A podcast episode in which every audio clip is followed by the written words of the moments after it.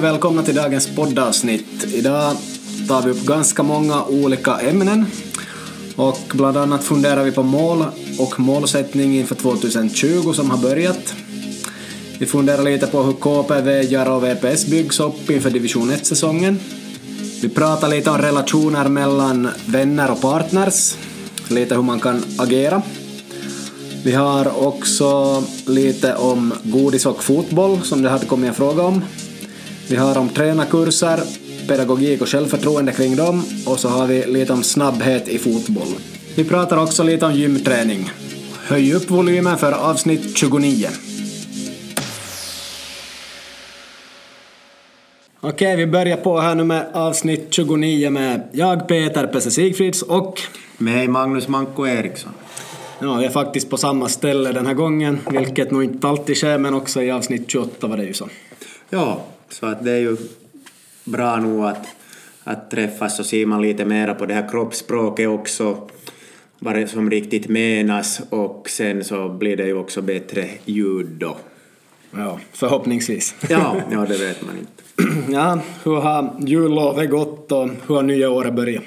Ja, nej, det var nog, nog som, som vi sa där för några avsnitt sen så ett välförtjänt jullov men sen, sen så har vi i familjen varit det där mer eller mindre krassliga, någon av oss fyra, hela tiden men att nu börjar vi vara lite bättre på benen nu så att eh, på, på stigande formen. Hur det själv, du har varit utomlands?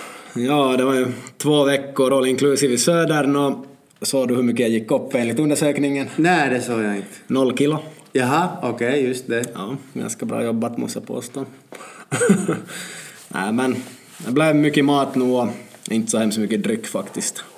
Den här gången då man var med familjen, lite en kokis per dag kanske och, och något sånt där. Men att helt bra, mycket motion upp och ner för berg och backar och sånt.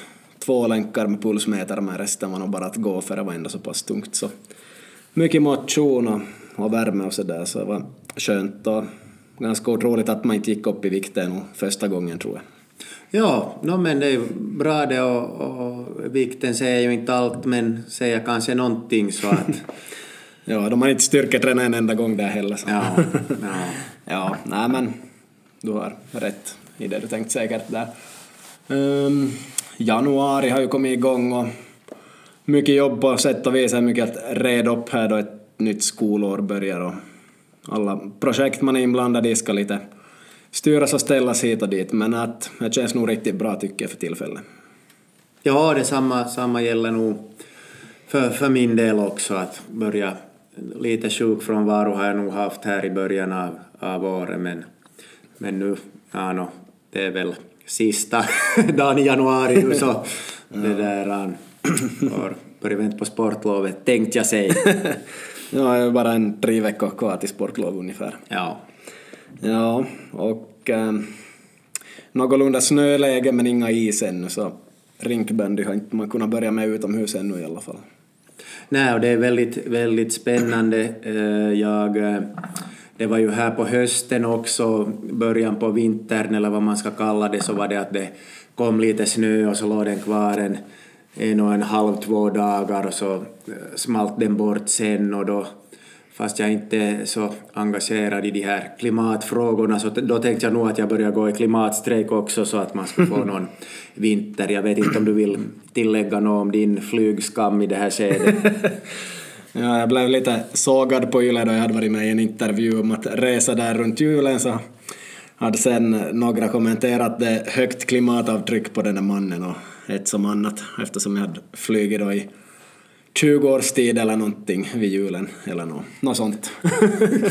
ja. Så det kan man ju ta med en nypa salt om man vill men åtminstone kör jag numera på etanol till 85 procent så jag tycker jag sparar in på bensinens klimatavtryck i alla fall. Ja, låter bra. ja, hur är det inför 2020? Har du funderat på några nyårslöften? Uh, först så, så tänkte jag nog det här att, att jag skulle ha att, att en halvtimme äh, rörelse om dagen för egen del då, varenda dag, och det börjar nog bra med ett par, tre, fyra, fem dagar och, och sen börjar jag göra så att jag plockar från de här kungliga söndagsträningarna plockar jag en halvtimme här och där.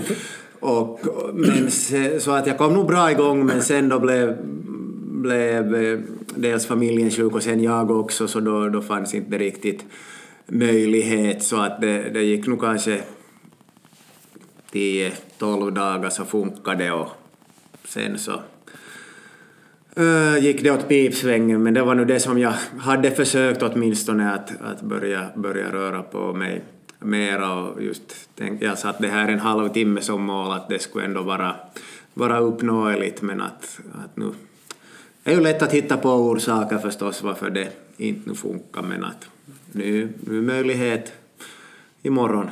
Ja, men när man är sjuk så är man sjuk och det, det hjälper ju inte. Men då siktar på typ 3,5 timmar i veckan då. Ja, ja att som, som minst. ja, nej, men det är ju jättebra. Du kan nog återuppta det så får du det att funka så. Det blir ju ett bra mål att hålla. Ja. Ja, för egen del har jag nog funderat hit och dit men jag, jag har ju inte något problem med att träna, det är ju fem, sex dagar i veckan. Och det här med skräpmat och godis och det har jag inte motivation att skärpa mig allt för mycket än så där lovar jag ingenting heller men däremot har jag lovat att äta mer vegetariskt. Så nu äter jag nog vegetariskt kanske tre måltider i veckan och det är ju mycket mer än noll i alla fall skulle jag Det är säga. det, det är det. Så det är ju lite häftigt. Så ja, frun har nog alltid varit lite intresserad av det där med vegetarisk mat också och kanske ätit det nu som då, och det är ju hon som lagar det så är ju inte så stor, stor påfrestning för mig, jag behöver bara äta det. Inte vet jag om det har gjort någon skillnad med träningen heller, att nu får man ju energi av det också men då är jag ju inte till det konstant heller och aldrig två gånger om dagen så har jag alltid funnits kött en gång om dagen minst så jag är ju inte någon vegetarian eller vegan på det viset. Lugnt sagt. Mm. Så, men att det är nog ett mål och, och det är ju lätt att lyckas med att äta vegetariskt någon gång per vecka. Enkelt. ja, frun lagar. Ja, no, speciellt då är det lätt. Ja. Såklart kan man köpa ve- vegetarisk mat på olika ställen. Men det här, istället för malet kött är det ju ganska enkelt att köpa något sånt där vege malet kött av något slag istället. Man känner inte så mycket skillnad i, i slutändan om man är inne i någon maträtt. Ibland tänker man inte alls på det, måste jag säga. Nej, det är nog samma, samma där med skolmaten, att någon gång när det är någon som är vegetariskt och om det är bra inblandat där så inte... Eleverna tycker ju till och med om det och personalen också så inga problem där. Ja, det där värsta brukar vara om man hör att det är vegetariskt eller det är vegebiffar och Ja, det, är orange. ja. No, det var det idag. Ja, Okej, Okej, precis. Så då, då är det alltid någon som klagar. Ja, um, så nej, no, det där var lite nyårslöften kanske och sånt. Har du funderat på något mål inför 2020? Äh, gällande... Vad som helst, fotboll, annat. Säkert läroplan och grejer. Ja, ja, läroplanen är ju under konstant utveckling och utvärdering men, men nej, jag inte, inte gällande fotbollen har jag nog inte satt något mål. Mm. Du har kanske smidit lite planer och funderat med ditt Korsholm. Ja, no, det är ju egentligen föreningen som har satt det där målet att stiga till trean så, så det målet finns ju där att jobba mot och, och, och då kan man ju fråga sig hur når man mål? No, det finns många sätt att jobba. Man måste ju göra någonting bättre än man har gjort det förr om man inte har stigit till trean i fjol till exempel och varit långt ifrån så någonting måste göras bättre och, och det gör vi ju men hur mycket bättre gör vi det i slutändan och hur mycket bättre spelare har vi eller hur mycket kan vi utveckla dem så det, det är ju det då som i slutändan visar om man har någon chans att stiga till trean. Egentligen så, okej föreningar sätter mål men köper de då in 15 spelare så kan de ju nå de där målen ganska enkelt men eh, ofta är det att en förening sätter ett mål och så har man inte så mycket som man gör åt det där utan det ska som bara ske typ av sig själv utan Ah. stora resurser så då kan man ju fråga sig hur sannolikt det är att det sker. Och som sagt ska jag kommentera mer efter säsongen de där grejerna men att andra mål inför 2020 är nog att fortsätta träna minst fem pass i veckan och, och ähm, ja, gör mitt bästa varje dag då jag tränar åtminstone. Klart någon träning ska vara lättare men då gör man sitt bästa för att det ska vara lätt så man inte kör för hårt den dagen och sådär. Så att sådana mål som pågår var, varje vecka och sådär. Och inte, inte desto mer annars är nog bara en ganska chill period i livet jämfört med vad det har varit för några år sedan skulle jag säga. Då hade jag nog mycket, mycket mer fast det är mycket nog också på gång. Men att, ja, inte vet jag. Mm. Jag ska inte prata allt för mycket om mål på det viset kanske, men har vi något tips om någon, någon annan vill nå sina mål?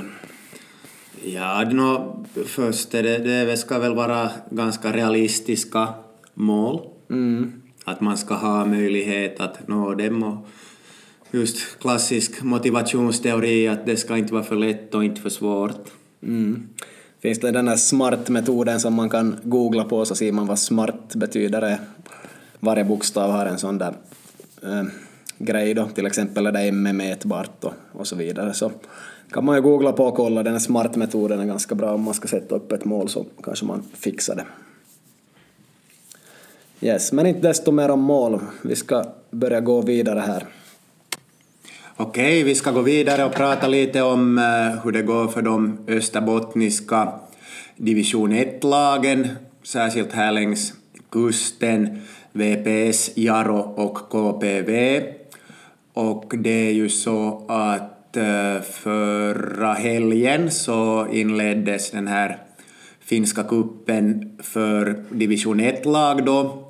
Och eh, VPS förlorade hemma mot SJK Akademia med 0-1 och Jaro förlorade överraskande med 2-1 hemma mot Kajani, AC Kajani och KPV kryssade med AC Oulu.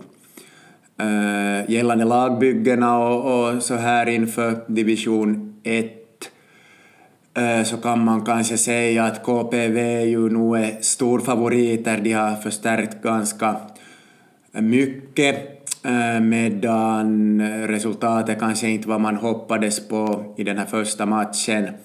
Och imorgon lördag så möts KPV och VPS i Kipparihallen i andra matchen i det här gruppspelet i Finlands cup. Så att det kommer att bli en intressant match. Eh, Jaro förlorade, tappa i andra halvlek matchen mot AC Kajani och eh, det eh, visar sig att det finns nog en del brister i spelet och man hade också enligt Österbottens Tidning ett styrelsemöte efter den här matchen när också tränaren var inbjuden, Niklas Tjecko, och man kom fram till där att, att man har nu fått de lokala spelare som man vill ha, men att det ännu behövs ö, förstärkningar på många positioner, att det går inte ändå att gå in i division 1 om man ska försöka stiga med endast nästan hemvävt material. Sen är det också så att Jaro har inte lika stor budget i år så det är inte ännu det uttalade målet att vi ska tillbaka just den här säsongen, att det kan bli kanske något av ett mellanår i år.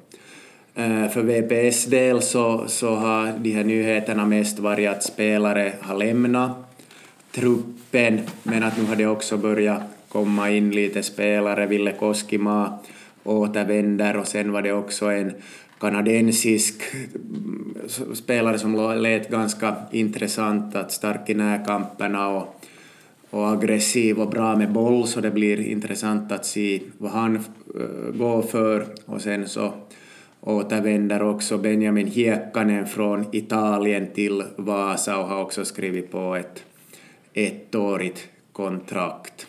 Så att lagbyggena är igång och inget av lagen är färdigbyggda men KPV har kanske kommit längst. Ja, jag tror också att KPV är kanske starkast av de österbottniska lagen som det ser ut nu och att de hålla på att bygga någonting som är starkt och de har kanske ekonomin bäst i skick så länge den där huvudsponsorn är kvar och det har han ju. Så ja, Jaro Jag tror inte Jaro ska stiga till ligan på ett tag heller. Ekonomin är eh, på den nivån den är och vad jag nog hörde som jag kanske har sagt tidigare att skulle Jaro gå upp till ligan så skulle de komma ner direkt och ha en halv miljon i skulder minst, är som vad jag har hört inifrån Jaro. Men att, ja, Jarro bygger ju mycket på egna och, och sådär. Ja, ett intressant Jarro, förstås, men att inga ligadrömmar där behöver man ha. Vissa blir lite knäckta då jag säger det, men att de, de får bara acceptera fakta, det handlar om pengar också mycket. VPS har ju börjat bygga, precis som du sa, och Koskima är ju jättebra förstärkning, så betyder ju mycket. Det är ju Sebba Strandvall och Steven Morrissey och, och en par andra kvar där från förr, så det är ju bra, men att det är två väldigt unga målvakter som har kommit in, så där finns nog en hel del att bevisa. För att vara ung och målvakt är ju aldrig det ultimata. Hellre får man ju vara 38 än 18 tycker jag. ja, det håller jag nog med om också. Ja, så vi får ju se då hur de där unga klarar sig. Förstärkningarna, några med någon utländsk bakgrund och sådär, men att vi får ju se, jag vet ingenting om dem och jag, jag inte sitter VPS spela heller så kan jag inte säga desto mer, men att nu tror jag de bygger helt bra. Intressant att Benjamin Hiekkanen kommer till Vepsu som du sa och äh, jag skulle gärna se att han skulle vara i Parma. Om han, jag vet ju inte om han fick vara kvar heller då han har varit skadad hela första året där men att det skulle nog vara intressant att se hans utveckling där. Sen tror jag ju nog att VPS har bra fart på, Christian Sund är duktig på att utveckla spelare och sådär men att gärna skulle man ju ha sett att han är kvar i Parma och sett vad som händer. Parma har ju chans på Europa League-plats nu annars också så det går ganska bra för dem.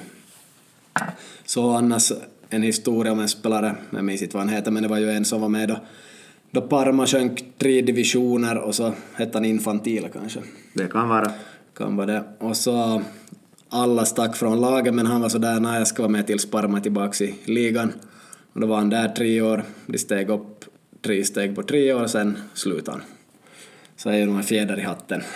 verkligen, verkligen och det, det är ju också just som, lite som det var här, om det var 2006 när det eh, var det här, vad heter det, Calciopoli i Italien så, och Juventus degraderades och då var det ju några som var kvar, om det var Del Piero, Buffon och kanske någon till som var kvar där så att det är nog alltid alltid intressant när, när man har också hjärta för klubben.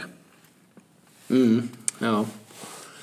Kanske inte desto mer om österbottniska lagen och ettan ännu, det är ju väldigt tidigt, det blir januari, äh, februari först imorgon. Så.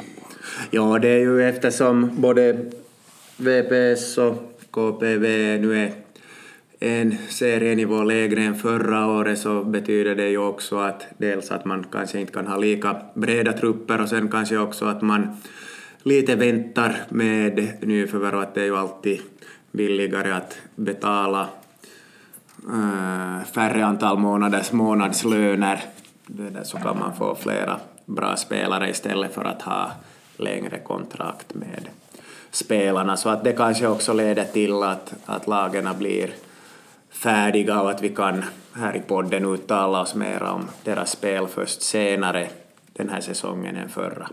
Mm. Hur är det med Kungliga då? Har ni truppen i skick redan? Uh, ja, vi har, eh, vi börjar, vi har nog en, jag har nu själv har, har jag, då jag har varit sjuk och sen har frun jobbat kväll så jag har inte varit på på kanske ett par, tre veckor på, på träningar men, men just som det som har läckt ut i sociala medier så har det nog sett bra ut och två målvakter på träningarna. Den här Tobias Björkström har anslutit som målvakt så att vi har, har nu två målvakter som kompletterar varandra väldigt bra och det är ju speciellt på träningarna bra att ha två målvakter så att man får, får till, till bra sån här två, tvåmålsspel på slutet. Det är nog viktigt. Vi har nästan alltid fyra målvakter nu så man får ibland börja fundera var man ska stoppa dem. ja, just det, och det är ett positivt problem för tränaren. ja, så är det. Så är det. Ja, vi träningsspelade lite i måndags mot ett division 5-lag och vad hade jag, 20, 20, 21 utespelare och fyra målvakter så jag använde, jag använde tre målvakter 30 minuter var ungefär och så hade vi en målvakt kan spela ytterback så han gjorde det. Och, ja, vi bytte öppningselvor i halvtid och sådär. Förlorade faktiskt 2-0 mot ett lag från en lägre division. Och resultatet säger ju inte allt som tur var. Som tur var så får du analysera just att hur, hur ni har kommit att förverkliga det som ni vill se i er den här utveckling och så vidare. Men bra, man skulle vara i någon sån där tuff klubb så ja, sparken. Ja, ja. ja man vet aldrig hur det går. Skulle till trean, ni förlorade mot ett division Ja, 5-lag, ja. sparken. Ja, nej, nej, så många bitar var jättebra. Sen fanns det vissa grejer som inte var riktigt i skick ännu och jättemycket nya spelare och sådär också. Men att kul och mycket bra fanns det nog där och sådär. Dela upp två lika bra elvor så. Och ja, nåja, 15 målchanser och fyra chanser från tre meter och inte ett enda mål. Det var ganska hä- häftigt att det inte blev något mål. Själv sköt jag i ribban så den ännu darrar.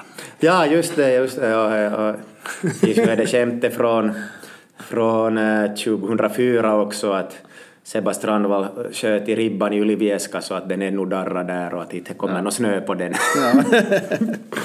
ja, det var en halv volley från 17 meter för mig. Och så, jag var helt säker på att den skulle gå in men tänkte okej, jag får väl ribba in då åtminstone men nej, det blev sån full träff tydligen. Rakt i ribban.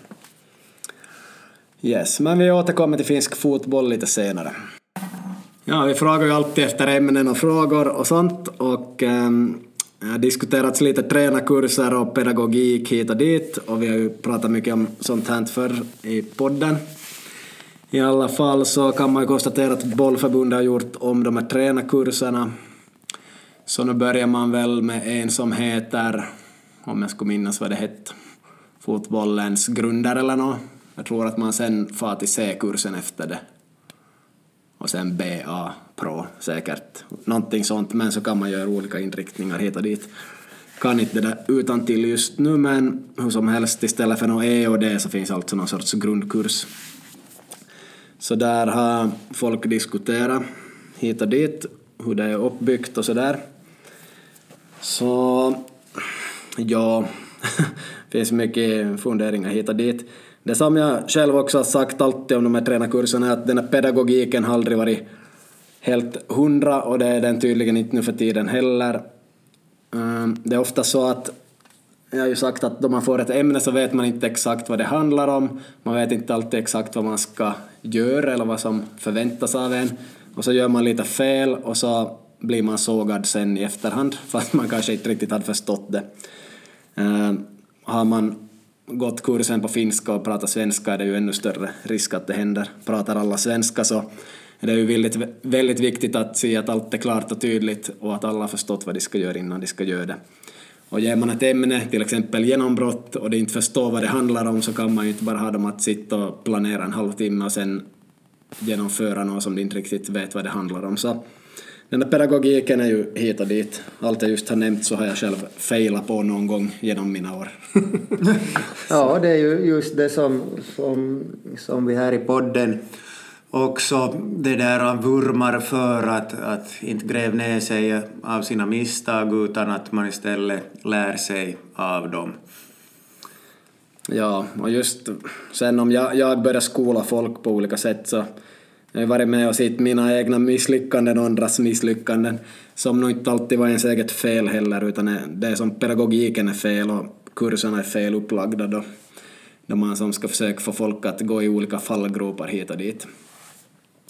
Det som var ganska intressant som jag diskuterade med några var också det här med självförtroende att eh, de som inte har någon tränarutbildning alls så de kommer med högt självförtroende in på första kursen och jättemycket idéer och så här, så här, och så här kan vi planera och göra det här. Och då de har gått en eller två gånger på den här kursen och märkt lite vad som krävs kan man kalla det om man vill så lite grann går man och förstör deras idéer kanske och, och självförtroende så många sitter mitt i allt väldigt tysta plus att de sen har helt slut på idéer och vet inte vad de ska göra. Och jag som nu har hållit på med det här i 15 år så ibland kan jag faktiskt sitta också och tänka sådär att det där kan jag inte göra på grund av det där och det där kan jag inte göra på grund av det där och det där kan jag inte göra på grund av det där. Så vad ska jag i slutändan göra då? Nå, det blir ganska låst vad man kan göra om man inte vill kunna bli sågad på något vis enligt några teorier hit och dit. Så, så jag förstår dem. Ja, just Vad det. väcker det här för tankar hos dig som inte har gått några tränarutbildningar desto mer? Nå, det är ju just det där att det, det är ju lite på, när vi pratar om det här pedagogiken och sånt så när man själv, själv eh, jobbar inom grundläggande utbildning så nu är det ju de här samma grejerna som, som kommer upp att hur viktigt det är att just att man har förstått uppgiften och att man vet vad man ska göra och vad är målet och så vidare. Och sen, sen kanske också det att, att alla har olika förutsättningar och man kanske inte behöver såga någon som aldrig har spelat fotboll och är på sin första kurs och säger någonting men att man kanske kan ha högre krav då på någon som har spelat kanske själv på högre nivå kanske gått no, mera kurser och sådär. Att, att alla, alla är olika och alla har olika förutsättningar och ska därför behandlas olika. Så att det är väl kanske det här främsta tankarna som det väcker. Mm. Man ska komma ihåg också att fast det är folk som har spelat i tvåan, trean, fyran och de kommer på sin grundkurs så är inte sagt att de har reflekterat så mycket då de spelar och inte vet de riktigt hur man drar ett tema eller ska göra bra övningar för allt nödvändigtvis så Vissa kan säkert börja komma lite ner på jorden som tror att de vet allt men man ska inte ta ner dem för långt på jorden heller. Man måste låta dem behålla en hel del av sitt självförtroende och sina idéer. Alltså lite forma dem så att det blir en liten ödmjukhet och så att de som kommer in på rätt spår där. Men att det är väl många som har spelat fotboll förr och som är sådär yes, nu ska vi köra några kurser här och lära oss och praktisera och sådär så blir det som nej, börjar gå neråt. Och det har nog hänt säkert i 20 år bakåt som jag kan se och händer för tillfället också. Så det är som synd, för vi behöver alla tränare som bara finns. Så det är svårt att hitta den där medelvägen säkert mellan det där att såga ner sånt som är fel och att uppmuntra det som är bra. Men man måste också tänka på en sån pedagogisk regel att 90% positiv feedback och 10% negativ feedback. Så man borde typ ha 9-1 i sånt där eh, positiva mot negativa. Eh, skulle passa bra, speciellt på sådana utbildningar då man i princip har tid att göra det också säkert. Sen i vardagen kanske tränarna inte hinner så där mycket utan det måste kanske komma lite mer tillrättavisningar eh, med en viss tidsbrist. Men att jag ska nog som utgå ifrån det där positiva och vad gjorde ni rätt, vad gjorde ni bra, det där ska vi lägga vikten vid och, och det där andra lägger vi ingen vikt vid så kanske man förstår att det inte var så bra. Eller så nämner man det kort att det inte var bra. Jag vet inte, vi måste som, låta folk behålla sitt självförtroende ändå. I alla fall får det inte bli utan självförtroende för då har vi nog gjort någonting fel. Sen jag som är om, om mig och kring mig som man säger här i Österbotten kanske att ut och pratar med mycket folk, folk till höger och vänster så för hundrade gången måste man ta upp det här lite med snabbhet i fotboll och eh, också friidrott.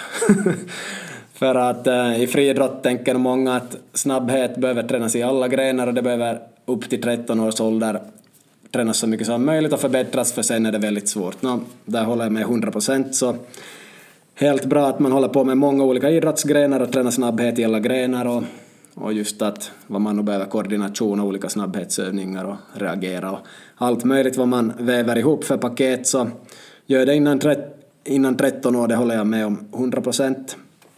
Sen ser man i fotboll de här 13-åringarna som kommer på fullt stor plan Uh, mittback eller mittfältare slår en lång boll över halva plan där backlinjen står och så har man den här snabba anfallaren som löper igenom som ofta är huvud längre än backarna och kanske friidrottar och är väldigt bra på att löpa rakt fram kommer igenom och gör mål på friläge. Det där har jag upplevt i så många lag jag har tränat.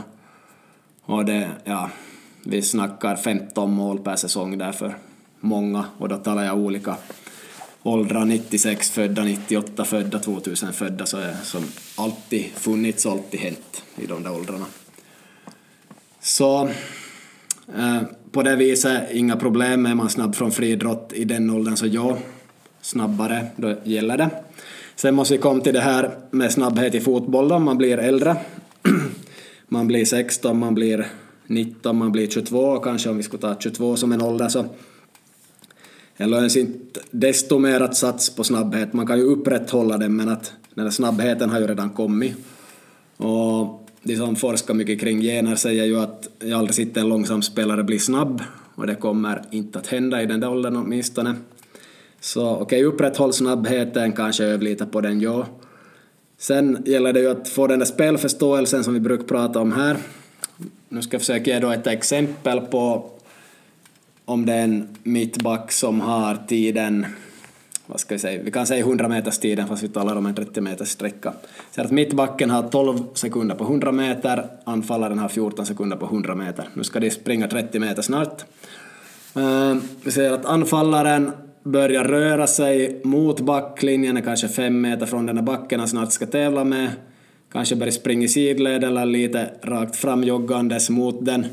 Mittbacken i sin tur rör sig sakta, har eh, ryggen halvt mot den anfallaren, tittar mot den som snart ska slå bollen, så den är sådär halvsvängd.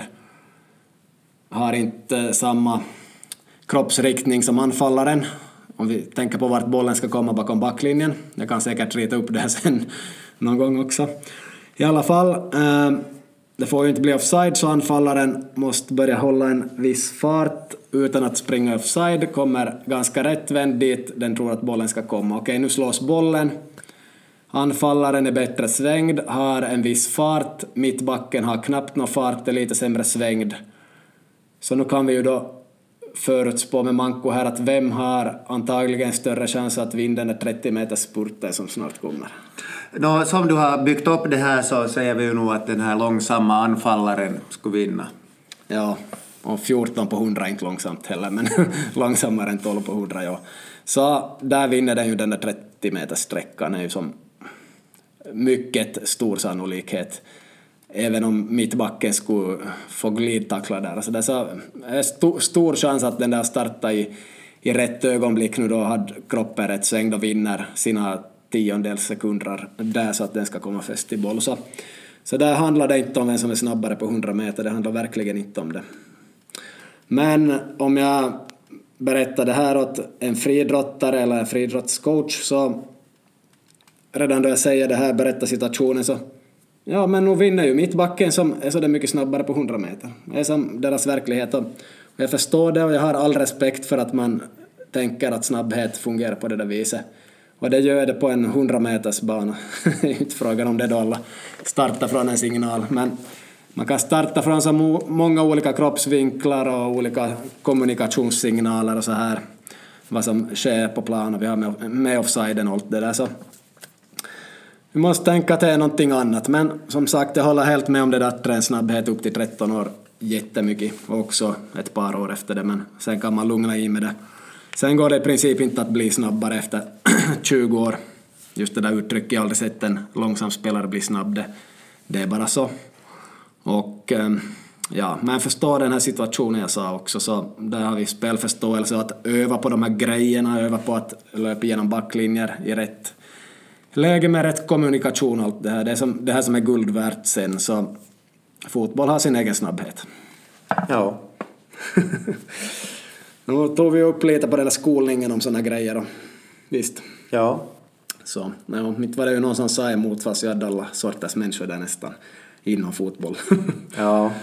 Så, yes. Men klart det lönar sig att vara snabb i många lägen och, och kvick mitt på plan. Du kanske vinner någon fem meters rush då ni båda har lika nära till bollen och sånt där. Och lös naturligtvis vara kvick och snabb men att det, det är inte alltid avgörande. Och det där läget jag just sa skulle bra kunna var jag och Manko bara att jag hade 12 kanske på 100 och du 14 någon gång i tiden ja, eller något sånt. Ja, vi kan ja. säga så. Och du skulle ändå hinna före på den där bollen ja. fast jag är den där anfallaren. Ja, ja. Ja, som hänt.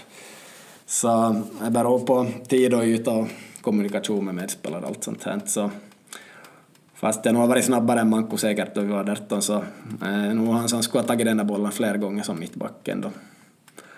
Åtminstone på den tiden ofta tror jag. Kan jag ge med mig. Ja, tack. Yes. Uh, godis och fotboll hade jag skrivit upp som ett ämne. Manko här och där är det då folk som har ställt frågor om godisförbud i fotboll.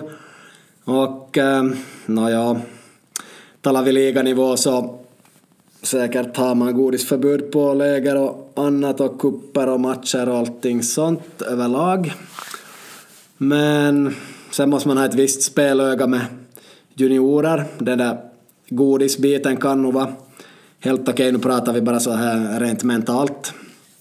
Att man får ett godis då man är på kupper eller matcher två, tre dagar eller en hel vecka. Att man måste som, kanske istället få de där spelarna att tänka att Eh, jag kan ta ett exempel, vi var i Umeå vi hade godisförbud någon gång men då äter folk eller spelare kanske i smyg och sen ser man det och vad ska man göra det då, då det var bästa spelaren som åt godis? Är det nog så himla farligt så vi ska peta någon ur elvan och förlora nästa match eller Nej, sånt. Så lite öga med sånt. De sista åren som jag tränade B-juniorer och sånt här så inte hade vi något godisförbud men se till att de där spelarna förstår att äter du godis före matchen så kan du bli dåsig, alltså sådär trög som jag sagt hundra gånger förr och det är ju inte bra. Men då matchen är spelad och man äter mat efteråt och det spelar det någon roll om de äter lite godis där sen på kvällen så länge de håller det i någorlunda proportioner. Sen skulle jag nog inte tycka att det hör till på liganivå.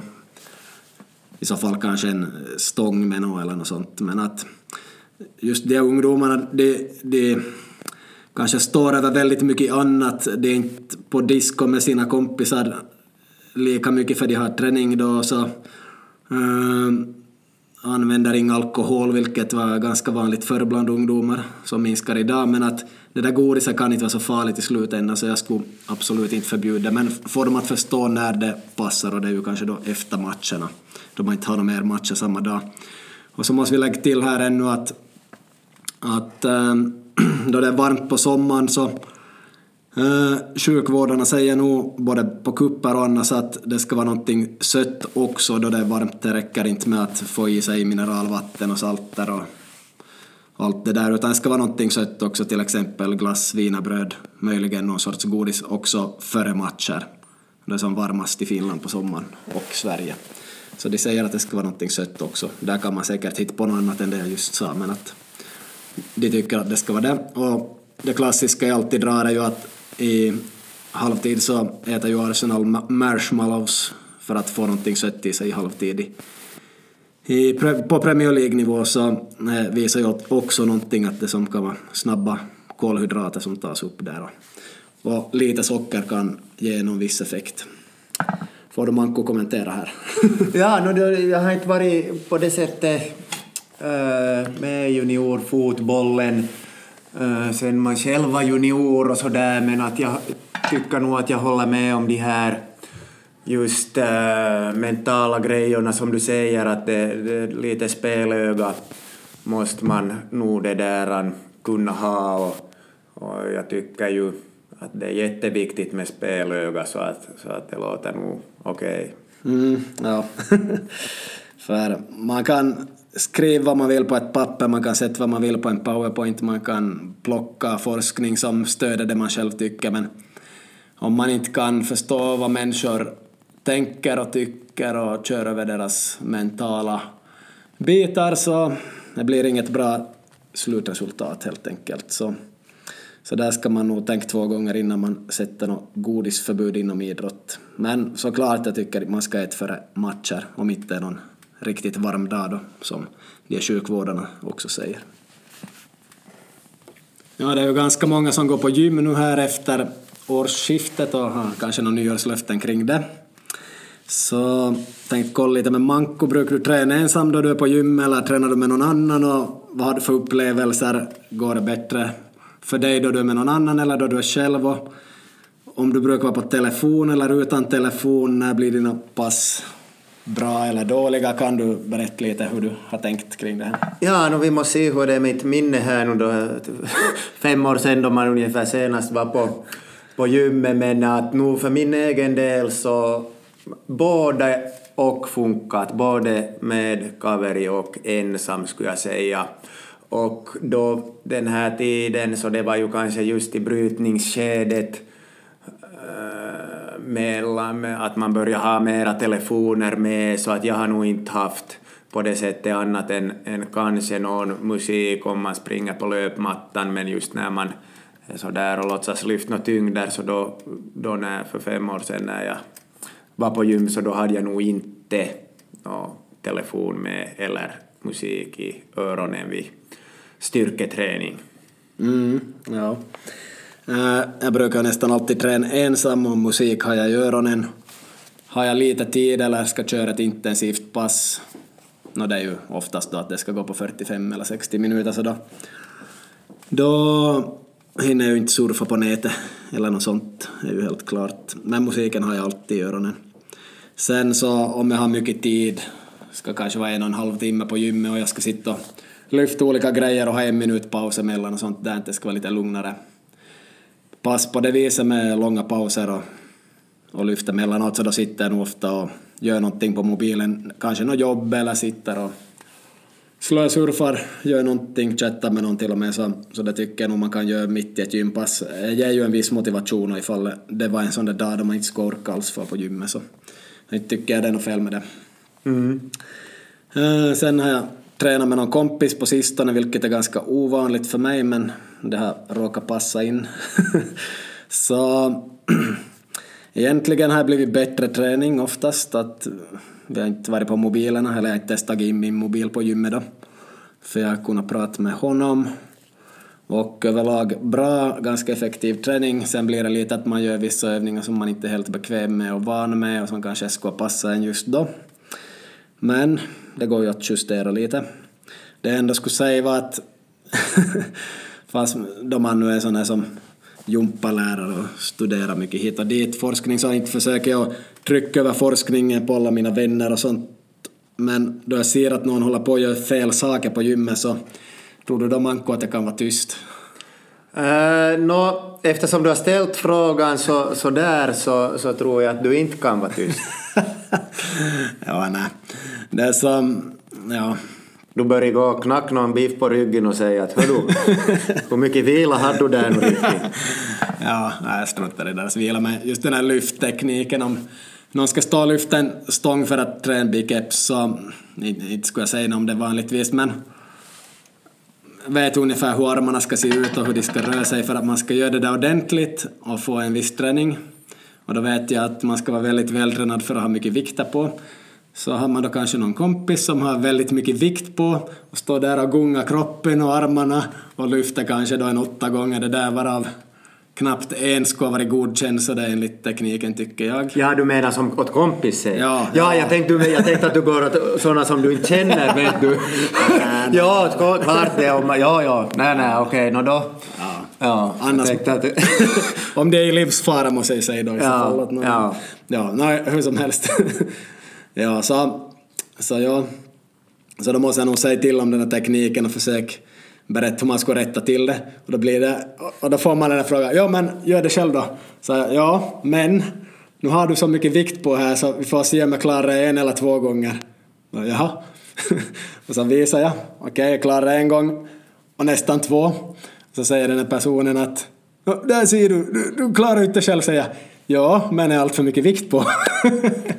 så, tar man ner vikterna så kan jag visa precis hur övningen ska se ut och så visar ju sig att den här personen också måste sänka vikterna med hälften från till exempel 30 till 15 eller från 40 till 20 så så för mycket vikt på fel teknik och så ja, spegeln framför allt funkar bra ja. Nej, så ska vi inte göra. Mindre vikter och rätt teknik och då tekniken allt stämmer kan man se om man kan höja vikten och ändå göra det bra. Mm. så, ja, det är kul att gå på gym och inte brukar nog tänka så mycket men att sånt där kan jag inte se på att man gör saker fel. Och dessutom är det ju en viss skaderisk för ryggen säkert och allt möjligt. Jag hade några punkter här ännu. Uh, tänkte säga bara att en bra relation. Jag behöver inte vara med partner, kan vara med kompis eller vem som helst. Så för det första skulle jag säga att man tävlar inte med varandra.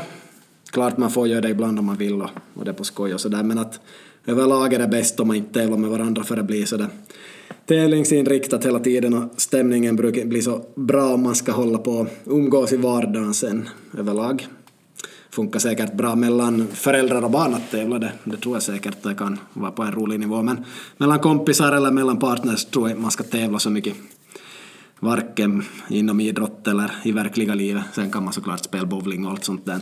Det var just det jag skulle säga, att, att vi har inte kunnat spela bowling på 13 år med frun, att hon är också, eller inte annars så tävlingsinriktad, men just då kunde jag nog bli det, just bowling eller biljard sådär, så att det väl undantaget som bekräftar regeln då. Yes, fortsätt. Ja, jag skulle inte klara av att ta en förlust mot min fru i de grenarna kan jag säga, det skulle inte gå. Yes, um, ja, så det, det där om att tävla med varandra tycker jag inte att man ska göra på det viset. Möjligen på något roligt sätt då. Så det var kanske det första. Sen viktig sån grej i livet att man uppskattar händelser för partners och kompisar.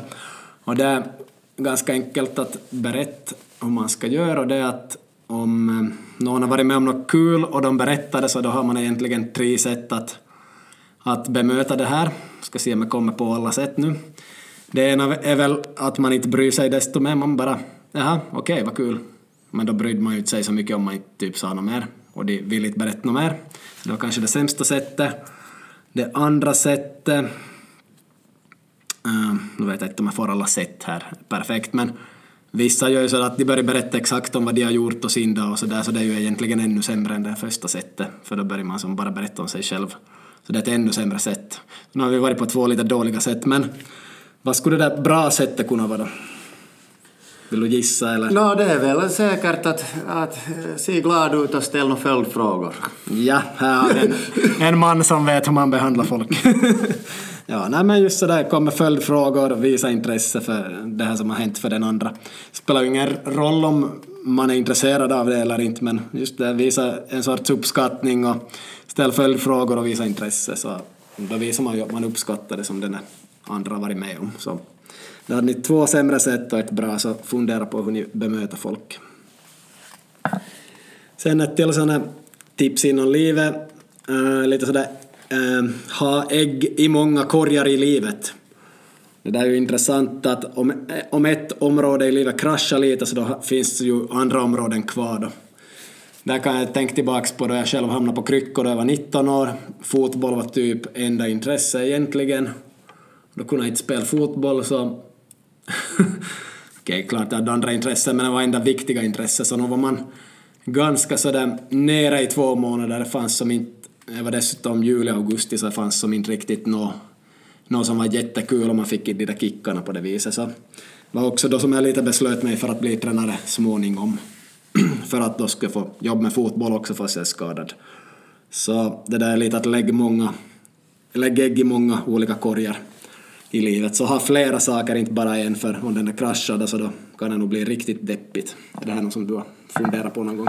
Ja, no, inte sådär desto mera, men eh, just det är ju nog så att när, när om man har hållit på med någon sak på, på sådär hög eller semihög nivå, just det där eh, om man har haft träningar med laget stora delar av veckans dagar och sen mitt i allt så lägger man av så, så kan det ju nog, och vilket det också kommer fram hela tiden, kanske mer och mer, vilket jag tycker är bra att, att, att folk har fått något av identitetskris, att man har identifierat sig väldigt starkt med dig själv som fotbollsspelare.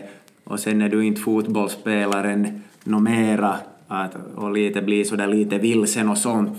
Men att det kanske man nog har börjat nu för tiden fästa mera vikt på just och sådär att, att försöka studera vid sidan om och, och sådär att, att man inte identifierar sig bara med rollen som fotbollsspelare till exempel.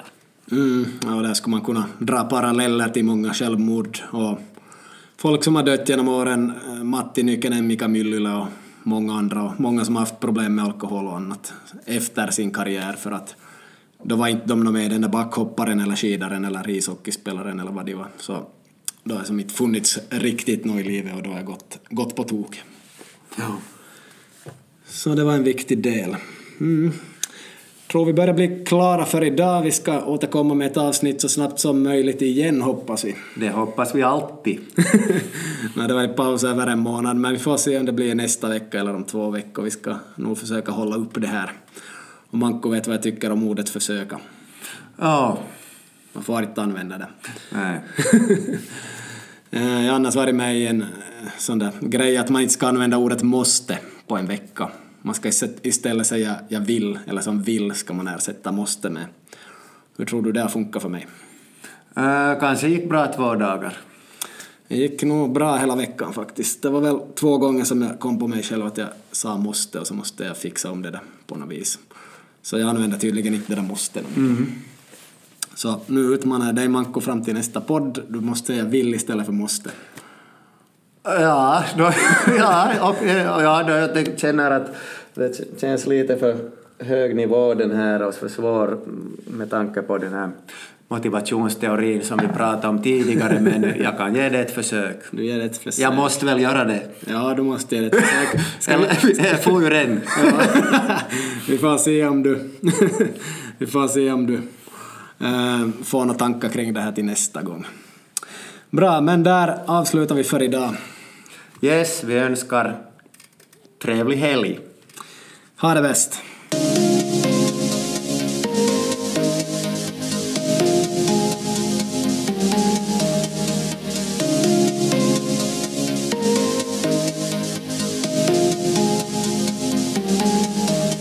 Dagens avsnitt gjordes i samarbete med Prestige Car Center och Sports Office i Vasa.